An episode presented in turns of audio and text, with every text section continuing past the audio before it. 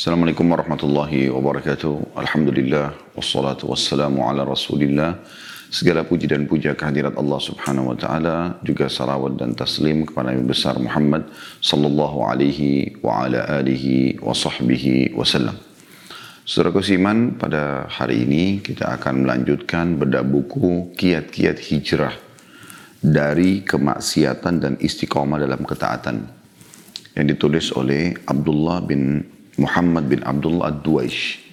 Dan uh, ini sudah sempat pernah kita bedah tapi sempat terhenti semasa pandemi dan insya Allah kita akan mulai lanjutkan lagi sekarang di hari Selasa di uh, waktu yang kurang lebih seperti ini. Kalau kami masih di Saudi jam 10.00 waktu Mekah dan berarti jam 14.00 waktu Indonesia Barat atau Jakarta tepatnya.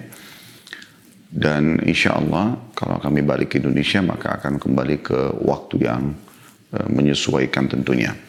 Dan uh, khusus bedah buku ini kita sudah sampai ke bab taubat. Ya. Dan akan kita bahas insya Allah pada kesempatan ini bab taubat yang tulus dan jujur. Saudaraku Siman, semua manusia pasti berbuat kesalahan dan kemaksiatan. Itu bukan perkataan saya, tapi kata Nabi alaihi salatu wassalam, beliau mengatakan semua anak Adam pasti pernah melakukan kesalahan. Tapi sebaik-baik pelaku kesalahan adalah yang segera taubat. Bermula dari ayahanda kita dan ibunda kita, Adam dan Hawa alaihi wassalatu alaihi wassalatu alaihi wassalatu wassalam. Keduanya diciptakan oleh Allah subhanahu wa ta'ala, kemudian dilarang untuk memakan dari sebuah pohon, tapi mereka digoda oleh iblis, akhirnya mereka memakannya dan itu sudah masyur. Di kisah seluruh kita manusia karena kita adalah keturunan Nabi Adam AS. Tapi yang terjadi, Nabi Adam alaihis, salam taubat kepada Allah subhanahu wa ta'ala kembali dan tidak mengulangi lagi perbuatannya sehingga Allah memaafkannya. Tentu perkataan saya ini bukan berarti kita menggampang-gampangkan sambil mengatakan, oh kalau begitu kan tidak masalah kita buat salah. Bukan itu yang dimaksud. Yang dimaksud adalah ada saat-saat mungkin di mana manusia belum faham agama. Ada di saat-saat mungkin manusia sudah faham agama tapi imannya melemah sehingga dia terjerumus dalam kesalahan. Tentu idealnya adalah tidak terjerumus dalam kesalahan, terutama tidak mengulanginya. Tetapi ada saja orang yang terjerumus dalam kesalahan. Baik dia sengaja ataupun tidak disengaja. Bagaimana sebagian sahabat walaupun tidak banyak. Ada di antara mereka pernah ikut di perang Badr.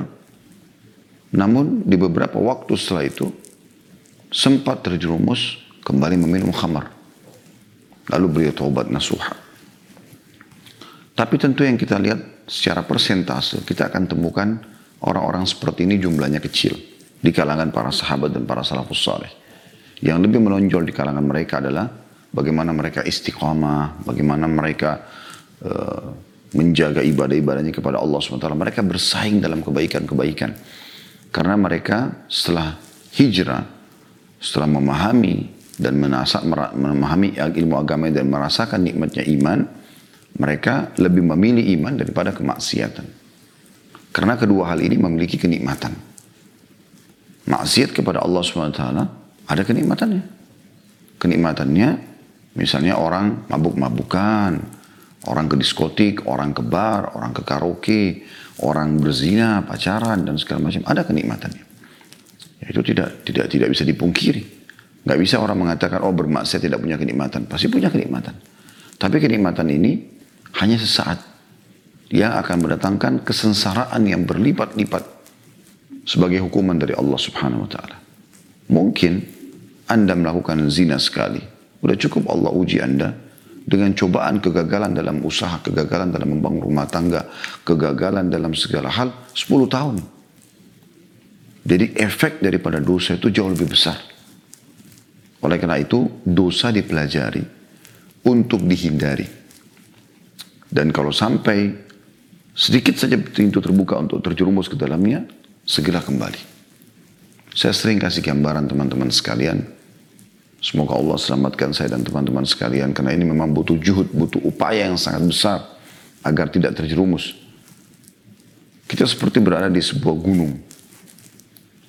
Kalau kita mau selamat, tetap ada di atas gunung itu. Tinggal kita istiqomah di atas gunung itu. Artinya tidak ya, melakukan hal-hal yang aneh karena di sekitar kita, sekeliling kita ini adalah jurang. Kemaksiatan adalah jurang. Kalau ada seseorang mengatakan, meletakkan kakinya, mengatakan saya mau coba. Kemudian dia jatuh. Maka ada dua opsi. Opsi pertama, dia masih bisa kembali, tapi susah payah untuk kembali ke puncak gunung. Butuh upaya yang sangat besar. Atau memang dia nggak bisa kembali lagi. Ini opsi yang kedua. Sampai dia meninggal dunia. Nah banyak orang tidak memahami makanya saya datangkan contoh rasionalnya ini. Anda kalau faham setiap kali mau terbuka pintu dosa, oh kalau saya lakukan, efek hukuman dari Allah lebih besar. Dan untuk kembali kepada level iman yang pernah Anda rasakan, anda butuh upaya yang sangat besar. Karena sulit sekali untuk mendaki. Misal contoh, Anda pernah taubat kepada Allah subhanahu wa ta'ala. Dari perbuatan dosa. Dengan mendengar sebuah ceramah misalnya. Tentang neraka. Kemudian berjalan waktu Anda istiqomah di agama Allah SWT. Lalu Anda mulai buka pergaulan dengan orang-orang ahli maksiat. Anda mulai membuka uh, pandangan mata, kuping yang mendengar, hal-hal yang membawa anda pada arus kemaksiatan misalnya. Semoga Allah maafkan. Ya, kalau pernah berlalu. Maka kalau anda membuka itu semua, lalu melemah, lalu anda terjerumus dalam dosa. Kalau anda mau kembali kepada level iman yang pertama, anda butuh upaya yang lebih besar. Mungkin kalau anda dengarkan ceramah yang sama, tidak akan bisa menyentuh sebagaimana menyentuh Anda awal. Anda mungkin butuh, kalau dulu Anda cuma dengar 2-3 ceramah, sekarang Anda butuh 5-6 ceramah. Seperti itu. Allah subhanahu wa ta'ala menyayangi hambanya. Dengan dengan peringatan seperti ini, agar hamba tersebut tidak mau terjerumus dalam kemaksiatan. Tetapi teman-teman sekalian, kalau Anda istiqamah, tidak melakukan perbuatan-perbuatan kemaksiatan walaupun gejolaknya sedang bergelora dalam hati maka yakinlah pasti di setiap sebuah cobaan akan ada kenikmatan. Pasti itu. Waktu Imam Syafi'i rahimahullah ditanyakan mana sebenarnya yang bisa kita anggap sebagai sebuah keselamatan? Pemberiankah atau cobaankah? Maka kata beliau, rahimahullah, tidak akan pernah datang kenikmatan kecuali cobaan datang sebelumnya. Artinya begini, kalau ada orang meninggalkan zina misalnya, atau mencuri, atau minum khamar, atau narkotika, atau korupsi, atau apa saja. Karena memang tidak ada peluang, dia tahu itu haram, tidak ada peluang juga, tidak ada godaan yang datang pada dia. Dia akan dapat pahala. Tapi tidak sebesar pahala kalau ada orang sedang bergejolak godaan itu depan matanya. Lagi ada lawan jenis yang menggoda dia. Lagi ada peluang untuk mencuri. Ada peluang untuk korupsi. Ada peluang untuk melakukan kemaksiatan-kemaksiatan. Namun dia tahan dan pasti akan redah itu. Ada saatnya di mana godaan syaitan itu tidak akan berlanjut. Karena dia tahu dia tidak berhasil menggoda anda maka Anda akan mendapatkan setelahnya hadiah dari Allah Subhanahu wa taala. Allah akan berikan kebahagiaan, kenikmatan. Apa kata Nabi SAW dalam hadis yang sahih? Siapa yang menurunkan pandangannya dari yang haram misalnya, dia berpapasan dengan lawan jenis, kemudian dia melihat lawan jenis tersebut. Dia tertarik. Tapi dia langsung turunkan pandangan matanya karena takut kepada Allah Subhanahu wa taala. Kata Nabi SAW, maka dia akan rasakan kenikmatan iman sampai hari kiamat. Bukan sehari, dua hari, atau sampai mati. Sampai hari kiamat. Maknanya, sampai dia masuk ke dalam surga, dia akan terus bersyukur kepada Allah Subhanahu Wa Taala karena dia meninggalkan dosa pada saat godaan itu sedang datang. Ahli surga pada saat masuk ke surga, saudaraku seiman. Allah subhanahu wa ta'ala menyuruh para malaikat mengucapkan kalimat bima sabartum. Masuk ke dalam surga dengan sambutan yang meriah karena kesabaran kalian. Bima sabartum. Sabar itu pada tiga hal. Sabar dalam mengerjakan ketaatan. Untuk mengerjakan ketaatan, sholat malam, sholat duha, baca Quran, zikir, apa saja. Itu butuh ya kesabaran. Rutin baca Quran, hadir majelis ilmu, teman-teman duduk mendengarkan ceramah seperti ini. Butuh kesabaran, mungkin Anda pun Anda punya aktivitas yang lain. Ada juga kegiatan-kegiatan yang lain yang menggoda, misalnya Anda bisa tonton di waktu yang bersama di YouTube, di Instagram, cuplikan yang bawa kepada kelemahan iman. Tapi Anda mau memaksakan diri dan bersabar di sini. Yang kedua sabar dalam meninggalkan kemaksiatan ini tadi yang saya katakan. Mungkin peluang-peluangnya. Siapa di antara kita teman-teman tidak punya peluang berzina? Siapa di antara kita tidak punya peluang untuk mencuri, untuk menipu, untuk memukul, untuk riak, untuk apa saja. Tapi pada saat godaan datang, sabar. Kemudian yang ketiga sabar terhadap cobaan harian. Kayak makanan, minuman, segala macam. Ya. Baik teman-teman sekalian. Allah subhanahu wa ta'ala dengan kemahasempurnaan dan kemahamuliaannya memberikan kita sebuah hadiah kalau saya bahasakan. Hadiah yang luar biasa. Di mana hadiah ini akan menyelamatkan kita dari pelanggaran-pelanggaran yang sudah kita lakukan. Bahkan mengembalikan atau melipat gandakan fasilitas yang Allah siapkan. Itulah taubat. Taubat saudaraku. Kembali dengan tulus dan jujur ke jalan Allah. Allah subhanahu wa ta'ala menyayangi hambanya.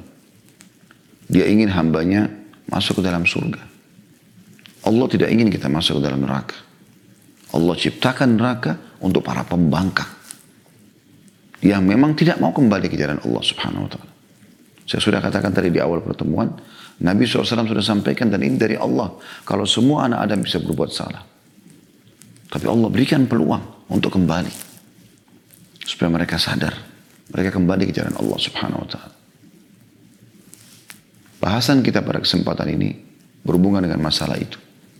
Taubat yang tulus dan jujur kepada Allah subhanahu wa ta'ala. Saya sering bahasakan tentang masalah hijrah. Ikhwah dan akhwat kita, rahimani wa rahimakumullah. Kalau mau hijrah, menjadi orang baik. Jangan setengah-setengah. Jangan setengah-setengah. Hijrah sekalian. Kalau Anda mau berprestasi, berprestasi sekalian. Ikut lomba, niatnya atau tanding, juara satu.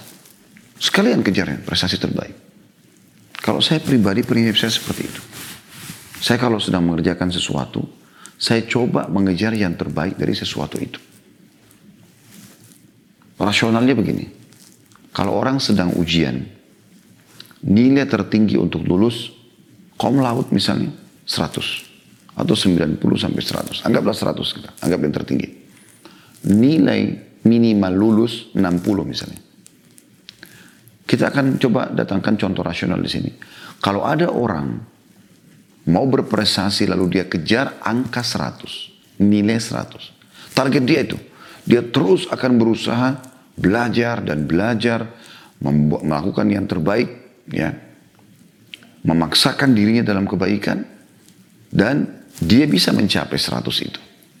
Kalaupun tidak, maka ini perlu dipahami, tidak akan jauh dari 100. Misal 99, 98, 97, 90 minimal.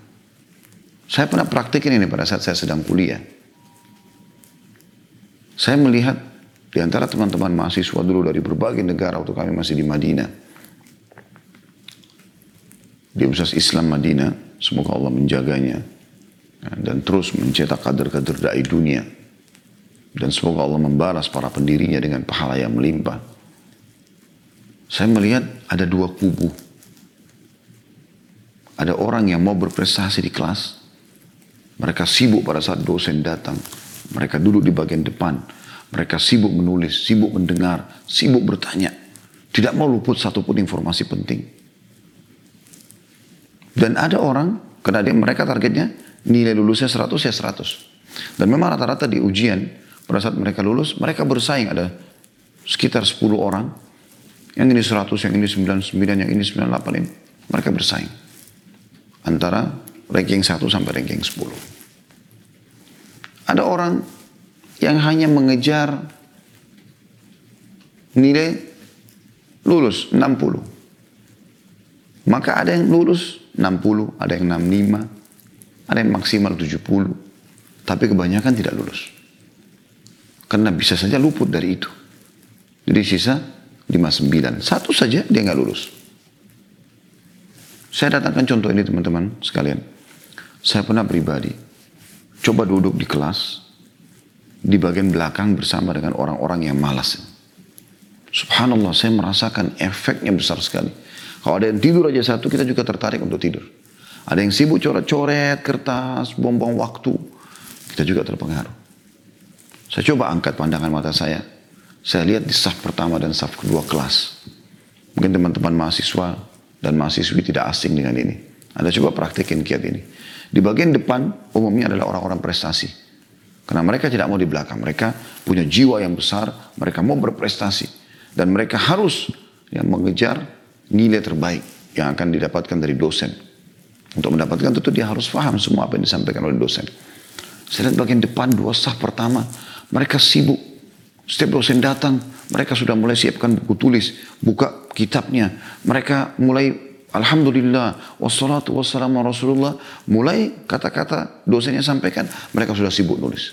Ada yang mereka tidak paham, Syekh sebentar, saya nggak paham ini, bisa diulangi nggak? Ada yang mengatakan, Syekh, yang saya pahami yang Anda sampaikan adalah seperti ini, benar nggak? Ada yang sampai pada tingkat, Syekh kalau ujian, nanti saya jawab seperti ini, saya dapat nilai bagus nggak? Tapi yang lain tidak seperti itu.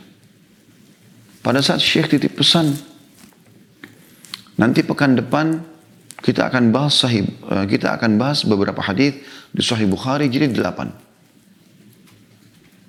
Kemudian saya pernah membawa buku itu dengan semangat ke kelas. Saya berpikir semua teman-teman mahasiswa pasti akan membawa kitab. Ternyata teman-teman lebih dari setengah mahasiswa di kelas tidak membawa kitabnya. Alasannya lupa. Alasannya nanti lihat teman-temannya di sebelah. Tapi yang berprestasi di depan semuanya bawa. Bahkan disiapkan semuanya perlengkapan untuk mengambil faedah daripada kitab itu. Saya berbagi ini teman-teman sekalian yang kita bisa tarik dalam segala lini kehidupan kita. Bagaimana kita menjadi orang yang terbaik. Dan itu bisa. Sebab kita manusia semua punya waktu yang sama. 24 jam. Gak ada satupun manusia yang punya 25 jam. Gak ada manusia yang lebih satu menit. Semua sama. Semua sama di karunia dua mata, dua telinga, dua tangan, dua kaki. Semua ketutupannya sama.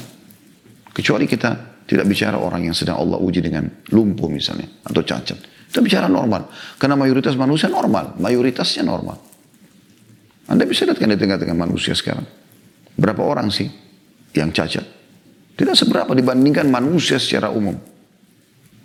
Umumnya mereka normal. Itu Allah SWT berikan cobaan kepada sebagian orang. Fasilitas kita semuanya sama. Kenapa ada yang berprestasi, kenapa tidak? Nah ini yang perlu kita sentuh teman-teman sekalian. Anda tarik ini dalam masalah ibadah. Sama halnya.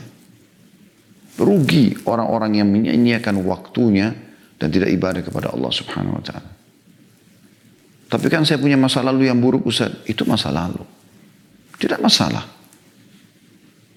Saya sudah bilang di awal tadi semua manusia berbuat salah. Tapi bagaimana Anda sekarang? Kalau masa lalu kita diisi dengan sesuatu yang kelam, kebodohan terhadap agama, nggak bisa ngaji, banyak maksiat kepada Allah SWT. Hari ini perbaikin. Mumpung Allah masih memberikan umur. Taubat nasuha tidak membutuhkan waktu yang lama. Nanti istiqomahnya di atas taubat yang butuh perjuangan besar. Tapi taubat tidak butuh sesuatu yang besar. Kata Imam Nawawi rahimahullah, tinggalkan dosa itu seketika. Lagi zina, lagi riba, lagi mencuri, berhenti. Menyesali.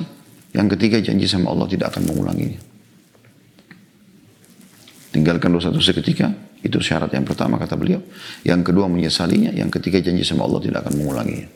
Ada sebagian ulama menambahkan, yang keempat adalah kalau itu berhubungan dengan hak yang harus dikembalikan, kayak misalnya mencuri, memukul, menggunjing, ini harus disempurnakan dengan mengembalikan barang curiannya atau meminta ridho orang yang pernah diambil haknya.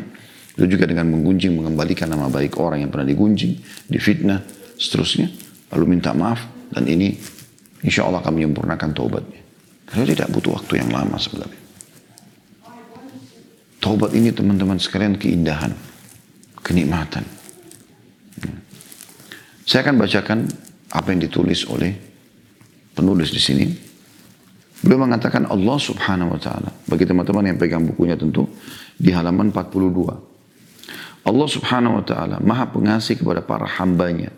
Dan dia subhanahu wa ta'ala maha mengetahui masalah, um, maha mengetahui mereka berikut tabiat mereka. Allah subhanahu wa ta'ala tahu dalam surah Al-Mulk ayat 14 Allah mengatakan, A'udzu billahi minasyaitonir rajim. Ala ya'lamu man khalaqa wa huwal latiful khabir. Apakah pantas Allah yang menciptakan itu tidak mengetahui? Sementara dia maha lembut, lagi maha teliti. Artinya banyak manusia dengan kebodohannya dianggap kalau dia buat dosa Allah tidak tahu. Allah tidak lihat. Semoga Allah maafkan masa lalu. Saya sering sampaikan teman-teman, saya dan Anda sedang belajar. Pada saat kita sedang belajar seperti ini, kita mengambil atau menetapkan dalam diri kita husnuzan, bersangka baik kepada Allah Subhanahu wa taala. Kalau Allah sedang menginginkan kita berubah menjadi lebih baik, kita bertaubat, kita melakukan amal saleh. Dengan ini Anda ikut. Sehingga kalau masa lalu Anda pernah berbuat salah, Anda bertobat kepada Allah SWT.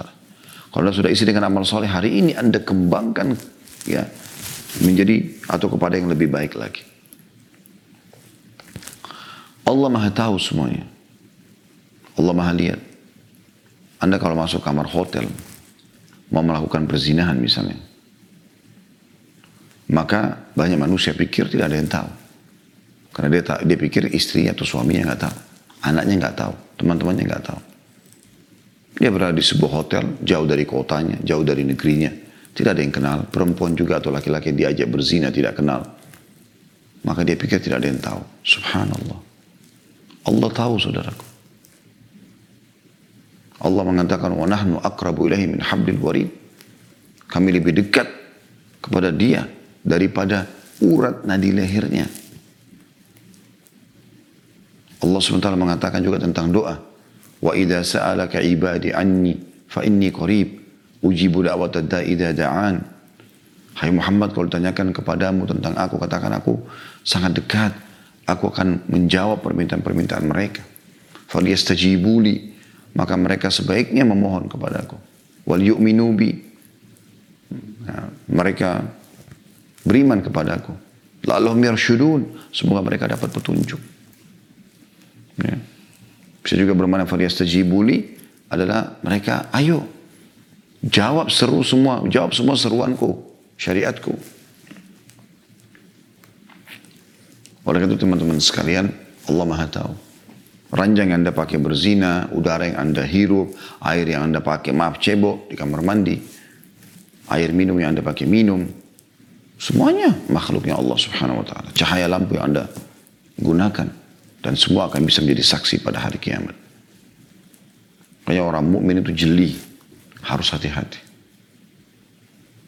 Dari sisi yang lain, sebagaimana tadi saya bilang kalau maksiat punya kenikmatan, tapi dia hanya sebentar dan hukumannya berat, ibadah punya kenikmatan.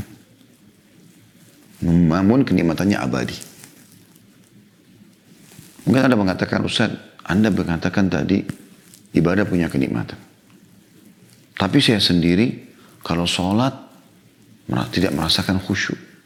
Saya malas baca Quran. Saya kalau zikir Ya seperti orang kumur-kumur saja. Ngomong, saya nggak nggak nggak merasakan.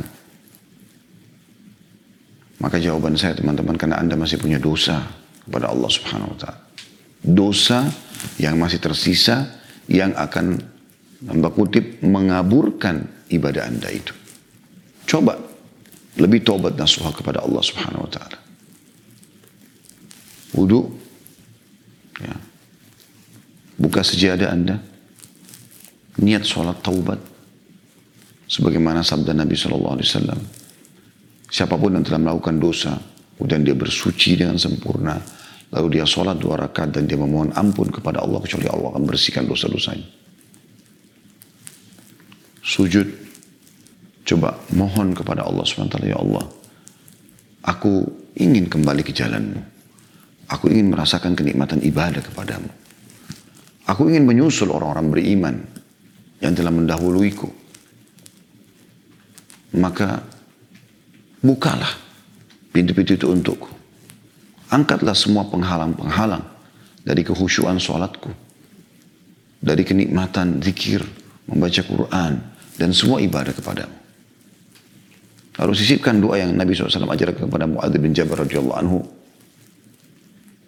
Allahumma a'inni Ya Allah tolong aku ala zikrika agar selalu berzikir kepadamu wa syukrika bersyukur kepadamu wa husni ibadatik dan memperindah ibadah untukmu. Kalau Anda rutin di situ teman-teman sekalian, Anda akan bertahap merasakan kenikmatan ibadah. Kenikmatan iman. Dan ingat, tutup pintu dosa. Selama pintu dosa masih dibuka, dia akan terus menodai kenikmatan ibadah itu, kenikmatan iman itu. Tutup pintu ini. Anggap ini sesuatu yang, maaf, jorok, kotor, ya. sampah yang tidak perlu Anda lakukan. Tidak perlu Anda sentuh, tidak perlu Anda lihat.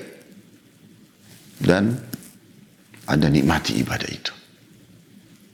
Mulai Anda baca keutamaan-keutamaan ibadah, keutamaan sholat, keutamaan awal waktu misalnya sholat sunnah. Anda mulai terapkan dalam kehidupan. Mulai anda baca tentang keutamaan zikir. Anda amalkan zikir-zikir itu. Terus anda tingkatkan levelnya. Mulai baca Quran. Dari mulai pelajaran huruf tajwid uh, huruf hijaiyahnya ya makharijil hurufnya. Kemudian anda belajar tahsin mempelajari bagaimana memperbenar, memperbenar bacaan Anda. Lalu mulai Anda pindah ke tahap menghafal, memahami, mengamalkan. Terus tingkatkan. Kalau dosa Anda redam dan ibadah terus Anda tingkatkan, Anda akan rasakan, percaya lisan saya teman-teman kenikmatan ibadah itu. Bahkan sampai pada tingkat Anda sudah merasa kehilangan sesuatu yang sangat besar kalau ibadah itu luput dari Anda. Contoh misal, anda coba komitmen mulai sekarang. Saya mulai dari diri saya, baru teman-teman saya ajak tentunya. Dan semoga Allah mudahkan kita untuk mengamalkan. Coba kita istiqomah, sholat on time di awal waktu. Itu aja dulu. Kita mulai. Baca keutamaan sholat di awal waktu. Anda bisa dengarkan ceramah kami di bahasan sahih atau targhibu tarhib yang kita bahas di hari Jumat. Ya. Maka di situ Anda akan dengarkan setengah buku di jilid pertama itu, kurang lebih ya, itu membahas masalah sholat. Lengkap sekali. Saya pada saat membaca buku itu, ada beberapa hadis yang saya sendiri baru dengar. Subhanallah dan saya bersyukur kepada Allah SWT karena membedah buku. Sehingga kami tahu, oh ternyata isinya ini misalnya. Baca itu teman-teman sekalian. Coba terapkan dalam hidup. Terapkan dalam hidup dengan terus memaksakan diri. Ya. Kapan Anda sudah coba terapkan, selalu azan, pokoknya azan saya mau ke masjid. Sehari, dua hari, seminggu, sebulan. Ya. Sudah seperti menjadi sebuah pola ya, dalam hidup, sudah menjadi sebuah kebiasaan dalam hidup. Maka apa yang terjadi? Satu waktu Anda luput satu kali aja. Sholat berjamaah, penyesalannya luar biasa. Kalau Anda rasakan itu, berarti menandakan Anda sudah merasakan nikmatnya iman. Anda sering membaca Quran sehari satu lembar. Sekali luput. Atau Anda biasa zikir pagi petang. Luput. Ada rasa penyesalan. Maka itu tanda kenikmatan iman. Berarti sudah mulai ada kenikmatan di amal soleh itu.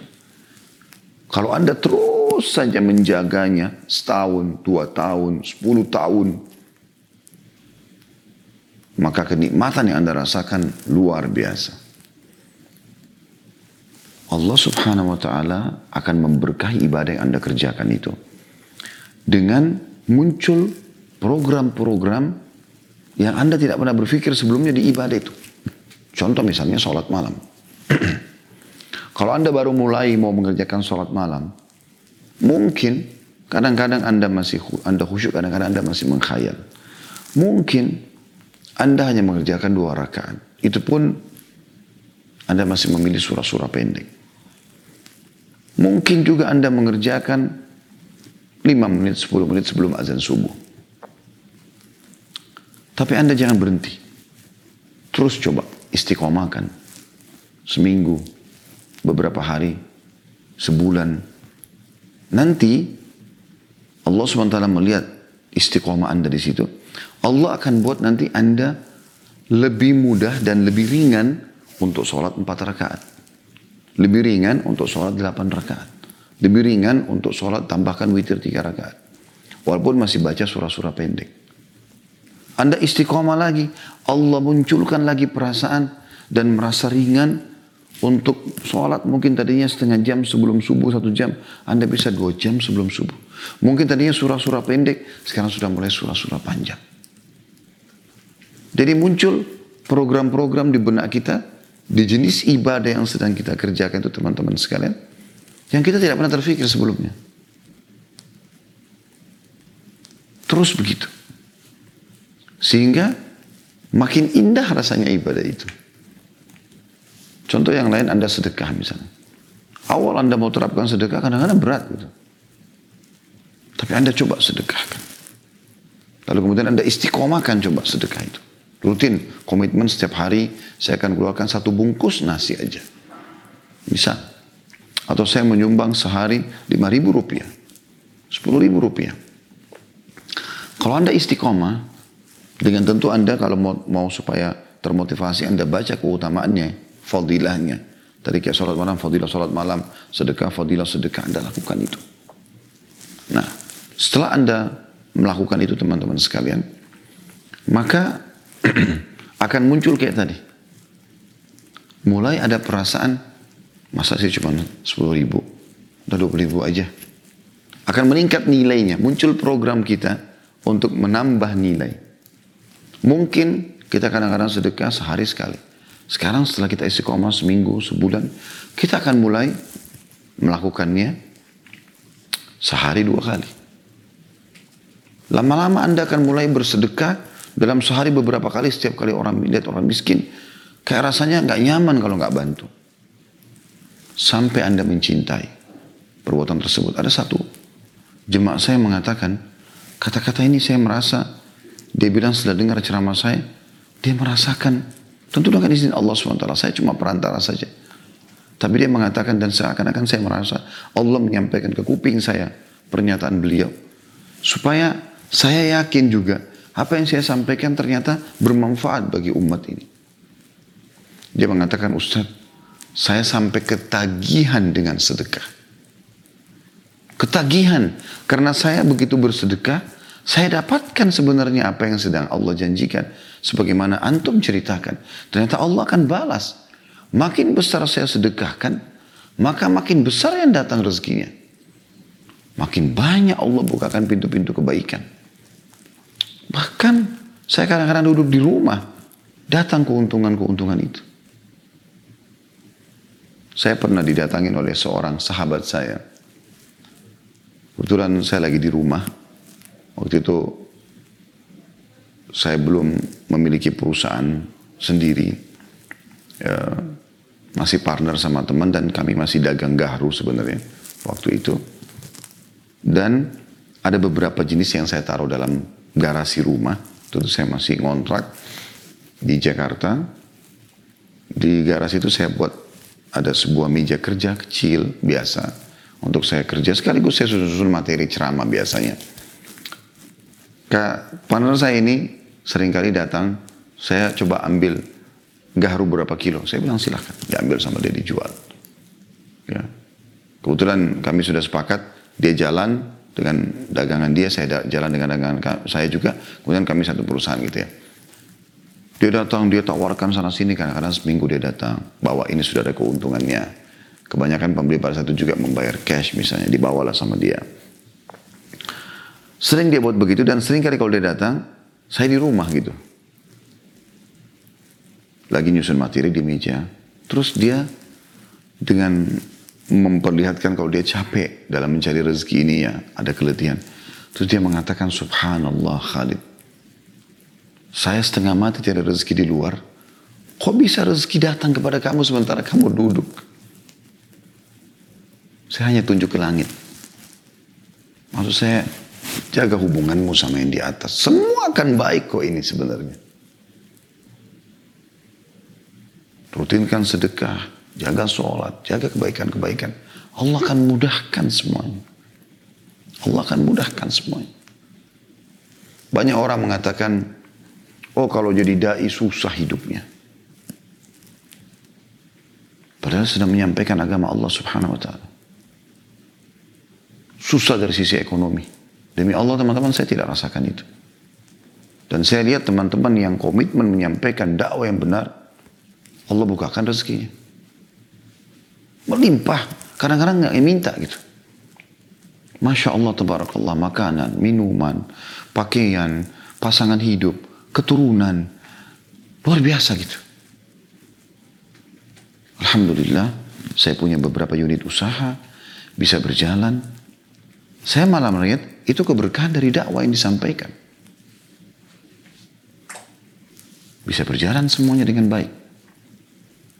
Tapi memang kata kuncinya, menjaga hubungan dengan sang pencipta Allah subhanahu wa ta'ala. Sadarlah teman-teman, Allah maha melihat, maha menilai.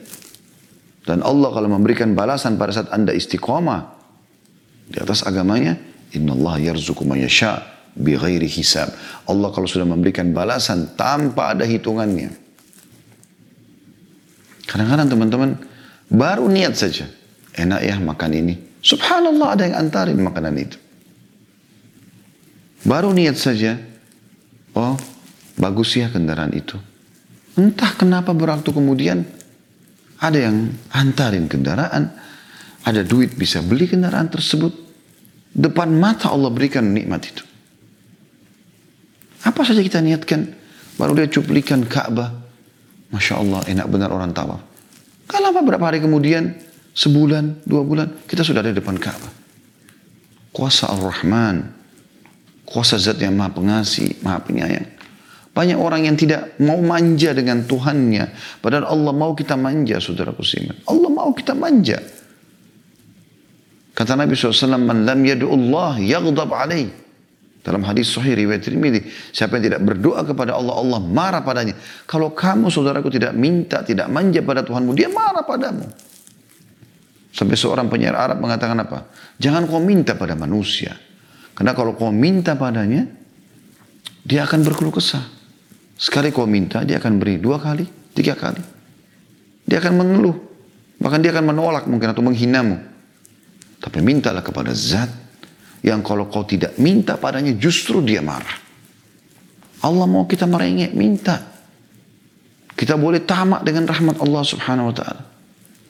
Diberikan kesehatan, minta tambahan kesehatan.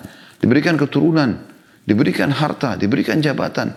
Minta agar Allah subhanahu wa ta'ala berkahi Berikan tambahan. Bukakan pintu-pintu yang lebih baik. Boleh tamak terhadap rahmat Allah. Kita minta teman-teman agar diberikan, dijaga kesehatan kita. Jauh lebih baik. Lebih afdal dibandingkan kita sakit minta disembuhkan. Kita sedang kaya. Kita minta agar harta kita berkahi. Ditambah oleh Allah subhanahu wa ta'ala supaya bisa lebih banyak mendekatkan diri kepada Allah dengan harta tersebut lebih baik pada daripada sudah bangkrut baru minta diberikan solusi. Kemudian beliau mengatakan Allah subhanahu wa ta'ala mengetahui bahwa manusia itu tetaplah manusia. Meskipun mereka telah mencapai puncak ketakwaan, kesolehan, dan kewaraan. Waraan itu menjaga hubungan baik dengan Allah. Mereka pasti akan melakukan sebagian apa yang Allah haramkan. Karena itu Allah membuka pintu taubat bagi hamba-hambanya dan menyeru mereka menuju ke sana. Bagi melakukan kesalahan. Tapi ingat ya, ini kesalahan bukan untuk berulang kali dilakukan lawan, berusaha. Anda akan rasakan kenikmatan iman sebagaimana sudah saya bahasakan tadi. Allah menyuruh kita dalam surah An-Nur ayat 31. A'udzu billahi minasyaitonir rajim wa tubu ila Allah jami'an ayyuhal mu'minuna la'allakum tuflihun. Bertaubatlah kalian semua kepada Allah. Wahai orang-orang beriman, agar kalian beruntung. Agar kalian beruntung. Beruntung di sini maksudnya adalah beruntung di dunia dan beruntung di akhirat. Allah menyuruh kita taubat kembali kepadanya. Semua teman-teman sekalian perasaan penyesalan pada saat terjadi kemaksiatan, rasa sumpah, sedih, datangnya penyakit, semua itu adalah sinyal dari Allah Subhanahu wa taala agar Anda kembali. Beruntung kita orang muslim dikasih bocorannya teman-teman sekalian. Orang-orang kafir tidak tahu itu. Mereka pesta-pesta bermaksiat kepada Allah, Allah berikan sumpah, sedih, penyakit. Mereka tidak tahu harus buat apa. Mereka kembali kepada kemaksiatannya. Malah tambah ke diskotik, malah tambah mabuk, malah tambah berbuat kemaksiatan.